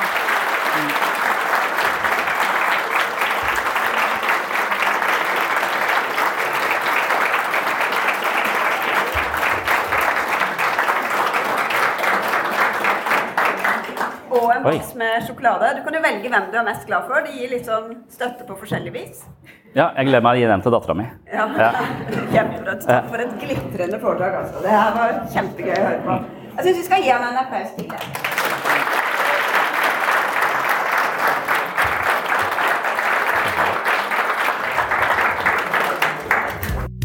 Ja, det var et litt eh, vaklende foredrag for en gjeng med fastleger. Og som jeg nevnte innledningsvis her, så er jeg jo litt redd for disse fastlegene. Og jeg var eh, forholdsvis nervøs underveis, men eh, kom meg heldigvis i mål. Men i etterkant av det her så skulle det være en paneldebatt med ulike aktører, noen fastleger, noen fra psykisk helsevern, noen ledere, og så var det da innspill fra salen. Og det er ganske mange fastleger som er eh, fryktelig forbanna på at eh, veldig mange blir avvist i psykisk helsevern, og det forstår jeg. Men når man da prøver å snakke sammen for å løse dette problemet, så opplever jeg ofte at løsningene skal være sånn administrative. Man skal prøve å organisere seg ut av problemet, og det mener jeg blir vanskelig. For hvis det er veldig mange mennesker som trenger en type hjelp, så går det ikke an å bare skyfle de rundt i ulike tiltak hvor det uansett ikke er nok plass og køer overalt. Så jeg mener at eh, vi kanskje er nødt til å slutte å telle depresjonen til folk, og heller anta at ok, du har en type depresjon, hva har ført til dempende depresjonen, hvordan kan vi forstå årsakssammenhengen her, og hva slags tiltak kan vi iverksette? Istedenfor å stille 600 standardiserte spørsmål og bruke timevis på utredning for å få et eller annet tall på denne depresjonen eller denne angsten eller denne personlighetsforstyrrelsen eller hva det skal være, så mener jeg at vi kanskje er nødt til å sette i gang tiltak umiddelbart, og så tror jeg ikke vi har kapasitet til å møte mennesker enkeltvis alltid, og jeg tror veldig mange sliter også med en type utenforskap og ensomhet, så det å gjøre ting i flokk, gjøre ting sammen, skape meningsfulle fellesskap som handler om å forstå seg selv, kanskje handler om å forstå mer av hvordan psyken fungerer, kanskje handler om å forstå hvordan mobiltelefonen vår fucker opp oppmerksomheten vår, den typen ting, eller vi kan meditere sammen, vi kan lære oss å skape en type avstand til vårt eget mentale operativsystem, sånn at det ikke løper helt løpsk, eller at vi blir fanget av alle tanker og følelser vi har, eller vi kan gå tur sammen og være ute i naturen, for det kontakt med naturen det er også omtrent like helsebringende for depresjon som det å spise antidepressive medisiner. Det kan også tenkes at man må medisineres, det kan tenkes at man må endre kosthold, det kan tenkes at man må begynne å trene. Det er fryktelig mange ting som kan føre til en forbedring med hensyn til uh, ulike utfordringer i livet. Og hva om vi setter i gang med det umiddelbart, og vi gjør dette her i flokk? It takes a village, sier man ofte, og det tror jeg er ganske sant. Så vi har nok ikke råd til å kaste bort altfor mye ressurser i psykisk helsevern på å drive og telle, diagnostisere og utrede, fordi de diagnosene vi kommer til er så lite treffsikre uansett. Så samtaleterapi er en fin ting, medisin er en fin ting, men i tillegg så bør vi jo ha blikk for at folk kanskje kunne ha utbytte av meditasjon, trene sammen, føle tilhørighet i et fellesskap, osv., osv. Så det er da mitt eh, perspektiv som jeg utbasunerer i andre del av eh, denne ja, seansen med fastlegene, hvor det er innspill fra salen, og det er et panel som har presentert ulike eh, perspektiver. Og det skal jeg også legge til nå her på slutten av denne episoden. Så går vi til neste spørsmål. Ja. Jeg har jo uh, sikkert fått sagt nok, da. Men uh, jeg har løsningen på problemet òg. Så, så, det uh, Jeg tenkte bare jeg måtte nevne det. Så jeg sitter også i inntak da, og driver og skriver de avvisnings... Og inntak det er nok en sted hvor vi later som om noe er objektivt, mens det er høyst subjektivt. Det er mer diktanalyse enn det er en objektiv vurdering av hvorvidt dette mennesket, som vi ikke kjenner og aldri har sett, og bare får beskrevet i fire linjer, har rett til noe som helst. Det aner vi jo ikke. Så det der er tøyse, det er et helt latterlig prosjekt, hele greiene Å sitte og vurdere det er å tro at det er objektivt. Men det er nok en av de der merkelige manøverne vi gjør. Akkurat som vi tror at det å stille folk masse spørsmål og telle svarene gjør det til en objektiv diagnose. Så min løsning på dette problemet det har vært å gi de menneskene som kommer til meg, mer enn de orker. Sånn jeg fant alt det. Så, så jeg, tenker, jeg er jo narsissistisk orientert. Jeg er opptatt av at jeg har det, har det, bra. Og det jeg trenger for å ha det bra, det er det alle mennesker trenger for å ha det bra. Det er å spise sunt. Det er å ha, eh, trene. Eh, det er å meditere. Det er å prøve å forstå følelsene mine, og det er å forstå mer av hvordan psyken min fungerer, så jeg kan trene litt mentalt. Det gjør jeg hver dag. Så når det kommer folk på mitt kontor, så sier jeg jeg kan ikke hjelpe deg hvis ikke du blir med meg og trener to ganger i uka. For jeg trener i arbeidstida. Det fikk jeg ikke lov til av Sørlandet sykehus. Men jeg har treningsgrupper for pasienter. Og det skjønner jeg ikke hvorfor ikke flere gjør. Altså, hvis du kommer på mitt kontor og veier 150 kg og har angst, så skal jeg ta vekk angsten din, da dør du. Den angsten er jo der, for du, du, er jo i livsfare. Men du kan være med å trene to ganger eh, i uka. Kanskje du kan være med å gå tur også en gang i uka. For veldig mange av de pasientene er ensomme, de er kobla ut av fellesskap. De er koblet inn i et fellesskap. Takes a village. Jeg prøver å skape den villagen, for det er bra for meg. Jeg trenger å få trent, jeg trenger å få meditert. Småbarnspappa har faen ikke tid til det på ettermiddagen i det hele tatt. Jeg er på fotballtreninger hele, hele tida. Så, så jeg skjønner ikke hvorfor Problemet er at når jeg da kommer på jobb, så er jeg åtte stykker i gruppeterapi. Vi snakker om følelser. Så går jeg inn i noe jeg kaller biblioterapi, vi snakker om det jeg snakker om her. Hvordan skal vi forstå helse? Hvordan skal vi forstå det å komme oss videre i livet? Vi skal kanalisere energien vår i riktig retning. Da har jeg 25 pasienter i den gruppa. Først 8, så 25. Og så går vi trener 10 stykker, og så mediterer vi 20 stykker. Så mange mennesker kan du møte i løpet av en dag med meningsfullt innhold. Men da orker jeg ikke å drive og diagnostisere alt. Jeg si, Dette her funker for de fleste av oss. Bli med på dette. Og slutt med seks-syv timer med utredning og standardiserte verktøy. Og, så, og når du da er ferdig med det, så har du to timer igjen. Takk for deg, nå, vær så god neste. Vi får ikke gjort noe da. Vi får bare kvantifisert noe. Og det, så jeg, jeg får, Vi trenger ikke disse andre- og førstelinje. Flytt psykiatrien ned i førstelinje og la det bare være flatt. Det er mange ting man kan gjøre for å få det bedre uh, psykisk. Og så får vi drive med det. Og psykoterapi, samtaleterapi, det er ikke så saliggjørende som folk skal ha det til. Og traumer er heller ikke noe sånn helt spesielt som må utredes som noe helt spesielle. Det er magisk å tro det greiene der sånn. et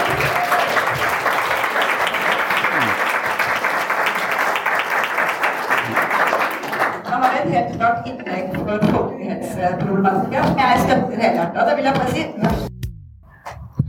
Men jeg, jeg bare lurte på til det, altså, Hvor mange fastleger eh, liksom, når, når, du, når, du, sitter på kontoret ditt, og jeg vet at fastleger er supermennesker, så de har en enorm kapasitet da, som er høyere enn alle andres, men men hvis du da eh, tenker at jeg får faen ikke eh, jogga, og det er jeg interessert i, og så har du masse pasienter som har smerte, som har Bli med, møt meg fredag morgen klokka åtte. Vi er en gjeng på ti pasienter som jogger. og Så logger man det som en, som en, kontakt, hvor du får en kontakt, du blir kjent, og du får fysisk aktivitet. Og du får det selv også.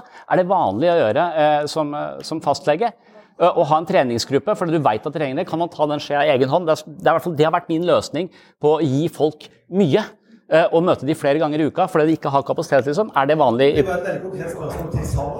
Mm. Det var vel som forventa få leger som rakk opp handa på dette spørsmålet. Det var noen som sa man kan ikke jogge seg frisk, og det er jeg helt enig i. Man uh, kan ikke jogge seg frisk fra enhver problematikk, men jeg tror det er kombinasjonen av mange ting. Og hvis man møtes i en gruppe, for eksempel, så tror jeg kanskje vel så viktig som selve den fysiske aktiviteten er at man føler seg som en del av et meningsfullt fellesskap, at man har et sted å gå til, noen som venter på en. Og når man har eh, smerter eller sliter mye i livet, så blir man ofte veldig isolert, så bare den biten der har også en eh, ganske stor helsegevinst, mener jeg. Men eh, det er få som samler pasientene sine i den typen aktiviteter, fordi, igjen kanskje litt på grunn av telling, det blir ikke telt. Hvis du samler flere pasienter på en gang, så får du ikke uttelling på refusjonsordninger og konsultasjoner osv., og, og så lenge ikke det blir fine tall, så er det heller ingen som driver med det. Og det er jo trist. Det er selvfølgelig noen som driver med det. Jeg tror det er Jeg har akkurat lest en artikkel om noen som eh, hadde startet en sånn type treningsgruppe med pasientene sine, men det er eh, uvanlig, kanskje fordi tallene heller ikke nudger oss i den retningen. Men spørsmålet er hvis du klarer å få med deg 15 pasienter da, i eh, uka, én time, hvor du selv får en eller annen form for fysisk aktivitet, kanskje kommer ut i naturen, kanskje kommer ut i skogen, og får eh, småsnakka litt med mennesker som syns det er viktig å ha en kontakt til fastlegen sin, sånn at du da får møtt 15 pasienter på ukentlig basis. På den måten, og de pasientene kanskje seg imellom skaper kontakter og kan støtte hverandre og forstå hverandre, så tror jeg du har enormt mye helse å vinne på den typen eh, aktiviteter. Men som sagt, det blir ikke telt på en måte som gir verdi. Og så var det en ting til. Ja, så vil jeg bare legge det her sånn at jeg, jeg driver jo selv med samtaleterapi, det er jo jobben min, det er det jeg driver med hver dag. Så det er kanskje litt eh, paradoksalt at jeg snakker det ned, men jeg har stor tro på samtaleterapi, jeg vet at det fungerer, og jeg vet at det fungerer godt, men det er ikke nødvendigvis eh, for alle, det vil ikke passe for alle, og i svært få tilfeller så er det nok. Det er jo noe med å forstå hvordan psyken vår fungerer, forstå hvordan vi er skrudd sammen, forstå hvordan våre tilbøyeligheter er styrt av algoritmer installert i oss av foreldre, lærere og erfaringer fra barndommen, og få litt tilgang til disse kildekodene i en form for eh, undersøkende samtale, som da kanskje er terapien, da. Og det kan eh, være svært viktig, men i tillegg så tror jeg det er veldig mange andre ting man må supplere den samtalen med for å få til en virkelig endring i eget liv. Og når jeg snakker ned samtaleterapi på denne måten, så er det fordi jeg tenker at uh, veldig mange tror at det er en slags ja, at det skal forandre meg totalt, og det kan gi deg veldig mange nye perspektiver og stor innsikt, men så må den innsikten også suppleres av en form for handling og en form for endring av livspraksis. Så det er det jeg er opptatt av i et sånt folkehelseperspektiv, jeg er opptatt av at man kan forstå seg selv på mange måter. Man kan jo lese bøker og høre hvordan andre har forstått sitt indre liv. Så bøker er jo en direkte tilgang til andre menneskers eh, psykologiske disposisjoner og måten de har eh, håndtert eh, sterke følelser, uro og angst på. Så det er en måte å, komme til kjernen i og så kjenne seg igjen i andre mennesker. Så det er så mye vi kan gjøre. Og i et folkehelseperspektiv så er jeg opptatt av at det må formidles.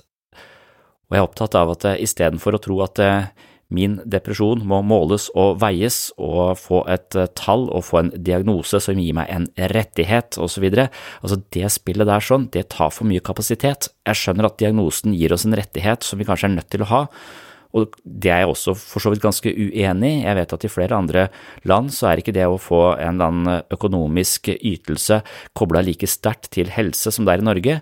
Så i Norge så må man jo ha en diagnose for å få en økonomisk eh, ytelse. Og Da er det mange som kommer inn med den motivasjonen at jeg må ha en diagnose. Og da kan det være man er ganske lada i det man svarer på de spørsmålene som vi eh, stiller og deretter skal telle for å gi denne kvalifiseringen for denne ytelsen. Så her er det mange ting. Men eh, når jeg snakker ned eh, samtaleterapi, så er det ikke fordi jeg ikke har troa på samtaleterapi, det er fordi at jeg synes det er eh, en av fryktelig mange tiltak som bør fokuseres på når man har det vanskelig i livet. Og jeg er også redd for at sånne samfunnsmessige forhold kommer til å påvirke oss og snike seg inn i vår psykologi på en måte som ikke vi som enkeltmennesker alltid skal ta ansvar for. Det er ikke alltid vi som er feil eller har en diagnose eller har en sykdom når vi lever i et samfunn som har noen eh, ja, hvor, det, hvor, det, blåser en vind i seila som handler om hele tiden å telle og måle og sammenligne seg med andre, hvorpå det skaper en hel haug av uh, misnøye, for det er mennesker de sammenligner seg som regel alltid oppover, spesielt når det kommer til uh, ja, dette med selvfølelse og troa på seg selv osv., så, videre, så vi, har vi veldig lett for å se til andre som da er bedre enn oss på ulike områder og denne enorme muligheten for å sammenligne, og da kvantifiseringen, fordi det vi kan telle noe, så kan vi også sammenligne det. Det gir oss eh, et slags eh, kulturelt grunnlag for misnøye, og når det da skal eh, privatiseres i enkeltindividet og diagnostiseres, utredes og eventuelt medisineres, så tror jeg kanskje også vi går glipp av en stor bredde i denne problematikken som vi må ta hensyn til. Så når man da sliter selv, så kan det være at man skal se litt til kulturen. Er det noe med disse føringene i måten jeg lever på, måten jeg blir prima på, måten jeg blir nudga i ulike retninger på av kulturen, som også borger eh, for eh, en slags eh, underliggende grad av depresjon eller misnøye, som ikke nødvendigvis hører til at jeg er en feil hjerne, men at jeg har reagert på et samfunn med en type reaksjon som kanskje er ganske adekvat. Det er, blir ganske utmattende å leve i en verden hvor alt skal telles, hvor vi flytter motivasjonen fra innsiden til utsiden. Altså hvor ble det av den gløden jeg hadde på innsiden når den har blitt outsourca til tall og kvantifiseringer. Så her er det mye å hente, men jeg vil bare nevne at jeg ikke eh, tenker at samtaleterapi er uten verdi. Og så eh, vil jeg ha med en eh, det, var, det, kom veldig mange eh, fornuftige innspill fra fastlegene, men siden jeg ikke har snakket med de og ikke har lov til å publisere det de sier, for jeg har ikke lov til å ta det opp, så kan jeg ikke legge til det, og jeg klarer ikke å ta det på hukommelsen heller. Men eh, jeg snakket med en som heter Anders Kind, og han fikk jeg lov til å legge til her i denne episoden. Han er en god venn, en svært fornuftig og smart type som eh, vet mye om smerte og smerteproblematikk. Han er fastlege i Kristiansand, Og jeg tar det med litt fordi han sa så mye hyggelig om meg, og det var veldig smigrende, og han var enig i mine perspektiver, men han har også andre perspektiver som han tenker er viktig med hensyn til hvordan vi tåler og forstår smerte også, og han mener det er ganske parallelt til eh, hvordan jeg tenker om psykisk smerte som ofte et signal vi skal lytte til, ikke noe vi skal ha vekk, men rett og slett en, en viktig kilde til informasjon. Og Sånn tror jeg han tenker litt om smerte. Det fikk han ikke sagt så veldig mye om, det var eh, kun eh, korte innspill som ble tillatt i denne i denne debatten, men jeg har også en avtale nå med Anders om at han skal komme tilbake på podkasten og snakke mer om smerte, så det gleder jeg meg til. Ja, Anders fra Bystrand er jeg også. Um, det er, eh, jeg har mye å si om dette. Jeg kan uh, først uh, bare adressere dette med forventningsgapet som det snakkes om, da, som er paneldebattens utgangspunkt. For jeg lurer på hvilke forventninger er det egentlig som gaper? Er det pasientens forventninger til oss? er det samfunnets forventninger til hva det er å leve et lydfritt, smertefritt og sykdomsfritt liv, altså REF Verdens helseorganisasjon? Eh, eller er det legens forventning om å skulle være en kurator og, og den som skal løse de utfordringene som til enhver tid eh, kommer til oss? Eh, jeg tenker jo at vi, når vi snakker om psykiatri som vi snakker om smertemedisin i går, eh, egentlig eh, har et slags paradigmeskifte på samfunnsnivå som vi må snakke mer om. Jeg skulle ønske at Sandy, eh, Sondre, disse stemmene som vi hører her, som vi nikker veldig anerkjent til, fikk forsiden i avisen hver dag. Jeg tenker Dagbladet er en premissleverandør for folkehelse i mye større grad enn det vi liker at den er. Dagbladet har varseltrekant to ganger i uken. Være seg for flott bitt, eller om det være seg for hjerterisiko. Og dette er angstdrivende hele tiden. Og det er en sterk sterk premissleverandør for folkehelse. Når vi snakker om uh, It takes a village to raise a child, som er en vanlig greie, så tenker jeg at It takes a village to change the common opinion også. Og der gjør jo ikke media og det som trykker på hele tiden, de gjør jo en enorm bjørnetjeneste. Og vi jobber egentlig motstrøms. For den ene fisken som Sandy viste i går, altså vi jobber motstrøms og så har vi også en sånn interne greie for dette paradigmeskiftet som jeg tenker at vi må løfte opp. Vi snakket om det i går på smertemedisin. Der er det helt opplagt et paradigmeskifte som må inn. Og innenfor dette feltet, innenfor uh, psykisk uhelse, så er det noe av det samme. Og jeg, altså, jeg er litt sånn Sondre for president. altså Jeg syns det du sier er så fint og så viktig. Eh, og jeg ser ikke deg i avisen med dette. Vi snakket kort om det her. altså Det vi sier her nå Jeg er ikke veldig anerkjennende. Jeg er 100% enig. Jeg kan skrive under på alt Sebastian sier i dag. Så det er kjempegodt oppsummert, Sebastian. Du klarte det innenfor tiden å få sagt akkurat det jeg rekker. Takk til deg. Så når det du sier, er spot on. Eh, og hvis du fikk en forside i avisen, så folk skjønte dette, det som Georg sier også Ja, men det er jo ikke syk... Altså, sorg er sorg. Lei deg, det er greit. Og til kollegaer på DPS som mente at fastlegene burde få økt kompetanse på psykiatri, jobber nesten ikke med annet. Så de har kjempekompetanse på det. Altså, du sa 90 jeg, jeg tipper jeg tar 98% av alt dette selv. Og de ytterst få gangene jeg henviser videre, så er det fordi at jeg er hjelpeløs, desperat og uh, lidende sammen med pasienten, og lidende selv for mer enn 55 timers arbeidsuker. Men dette her er jo en, en sånn Vi har et slags samfunnsproblem fordi vi ikke klarer å skru igjen, skru igjen den der krana på alt som skal gjøres til et medisinsk problem. Det er smerte, det er utmattelse, og det er psykiatri. Dette kveler oss på et vis. Men jeg tenker at vi må løfte det enda mer opp, og så må vi ha forsiden på avisen som sier det igjen. Det ble nevnt veldig fint fra Bodil. Jeg syns det er så flott. Jeg digger at fastlegene sitter der og sier det som vi alle tenker. Vi har klart det med antibiotika til ørebarn. Vi har klart det med kanskje delvis med rygg, ikke helt. Men vi klarer det i større grad. Vi må gjøre det samme her. Vi må snakke om at det er vanlig å være lei seg. Du trenger ikke gå til legen for det.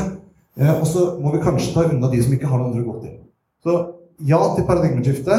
Ja til flere stemmer i media. Eh, og it takes a village. Og jeg vil gjerne være med i den landsbyen, men vi må gjøre det sammen. Da nytter det ikke at vi driver og avviser hverandre og sier at det du holder på med her, det er andre som første og andre hånd. Jeg er enig, så takk, Sondre, for president. Next time. Yes.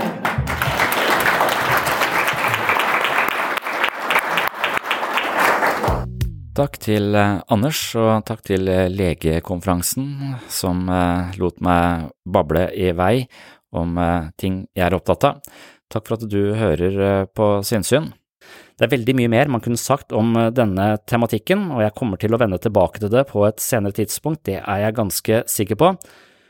Og så er det noe med dette å være litt mer nyansert enn jeg kanskje er i blant annet denne episoden, fordi man kan ikke få plass til å si alt på en gang, og samtidig så synes jeg at det å være veldig nyansert, det er egentlig viktig, men det kan også bli litt kjedelig. Så det å uttrykke noe man brenner for, da må man av og til spisse det litt inn og være litt mer bombastisk enn man egentlig er. Så min holdning til ADHD-diagnosen for eksempel, den kommer jo ganske sånn eh, skarpt ut i denne episoden, men jeg har et helt eh, jeg har i hvert fall et litt annet syn på det når jeg har selv utredet det og er i kontakt med, eh, med, denne typen problematikk, så vil jeg tenke litt annerledes om det og forholde meg litt mer nyansert. Men når man skal zoome ut på et samfunnsnivå og ser at halvparten og over halvparten av alle som søker hjelp i psykisk helsevern handler om at de tror de har en ødelagt hjerne som trenger amfetamin, da må vi også rope litt varsko, som jeg nevnte innledningsvis. Så her er det mye å si. Det var en interessant debatt med disse fastlegene. Alle sitter på store utfordringer, for det det er ja, vi sitter jo i dette helseparadokset. Vi har det bedre og bedre, vi har mer og mer velferd, vi har materielle goder og tekniske hjelpemidler, men likevel så har vi det altså subjektivt sett verre, og antall, eh, antallet som sliter med en form for psykiske plager bare øker og øker. Og spørsmålet er, hva handler det om? Kan det være måling? Kan det være måten vi lever på? Kan det være at uh, vi ikke anerkjenner at det, livet er fullt av motgang for at det skal bli meningsfullt å leve det? Altså her er det mange filosofiske og eksistensielle spørsmål som bør opp i lyset, det bør uh, ut i befolkningen, og jeg tror vi må reflektere mer over dette og ikke anta at alt vi opplever som ubehag er en eller annen feil i oss selv som må utredes, medisineres og diagnostiseres. Så det er hovedbudskapet mitt i dag, og jeg håper jeg fikk det fram for disse fastlegene, og at vi sammen kan gjøre et eller annet for folkehelse, for it takes a village, og det er mye man kan gjøre for å få det bedre, og det er mye man må gjøre for å leve et meningsfullt og godt eh, liv. Og det er krevende for noen som har hatt en dårlig start eh, på livet, og de skal vi hjelpe. Vi i psykisk helsevern skal hjelpe de som virkelig trenger det, men vi kan ikke legge lista så lavt at nesten alle kvalifiserer for en psykisk lidelse, for da, vi, da er vi på feil spor, rett og slett. Så det er eh, min frustrasjon, mitt engasjement, min irritasjon, men også min si, eh, følelse for at her er det noen viktige ting som må formidles, så jeg håper at du som hører på ikke er altfor forbanna og mener at jeg er altfor bombastisk i mine uttalelser, for hvis vi hadde kunnet diskutere det her i tre timer, så hadde det kommet fram mange flere nyanser som kanskje hadde kastet et litt annet lys over min oppgitte frustrasjon satt på spissen.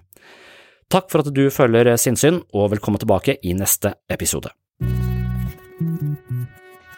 Oh, I'm just losing my mind, that's all.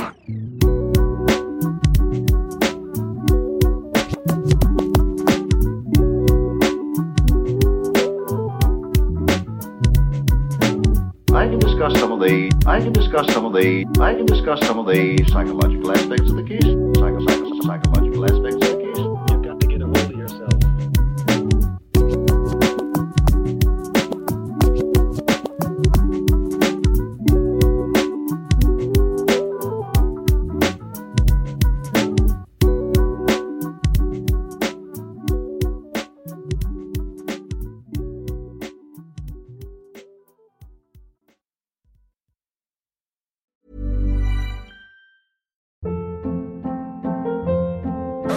Hold up. What was that? Boring. No flavor. That was as bad as those leftovers you ate all week. Kiki Palmer here, and it's time to say hello to something fresh and guilt-free. Hello Fresh. Jazz up dinner with pecan-crusted chicken or garlic butter shrimp scampi. Now that's music to my mouth. Hello Fresh. Let's get this dinner party started. Discover all the delicious possibilities at hellofresh.com.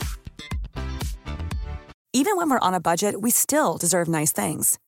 Quince is a place to scoop up stunning high-end goods for 50 to 80% less than similar brands. They have buttery soft cashmere sweaters starting at $50, luxurious Italian leather bags, and so much more. Plus, Quince only works with factories that use safe, ethical, and responsible manufacturing. Get the high-end goods you'll love without the high price tag with Quince. Go to quince.com/style for free shipping and 365-day returns.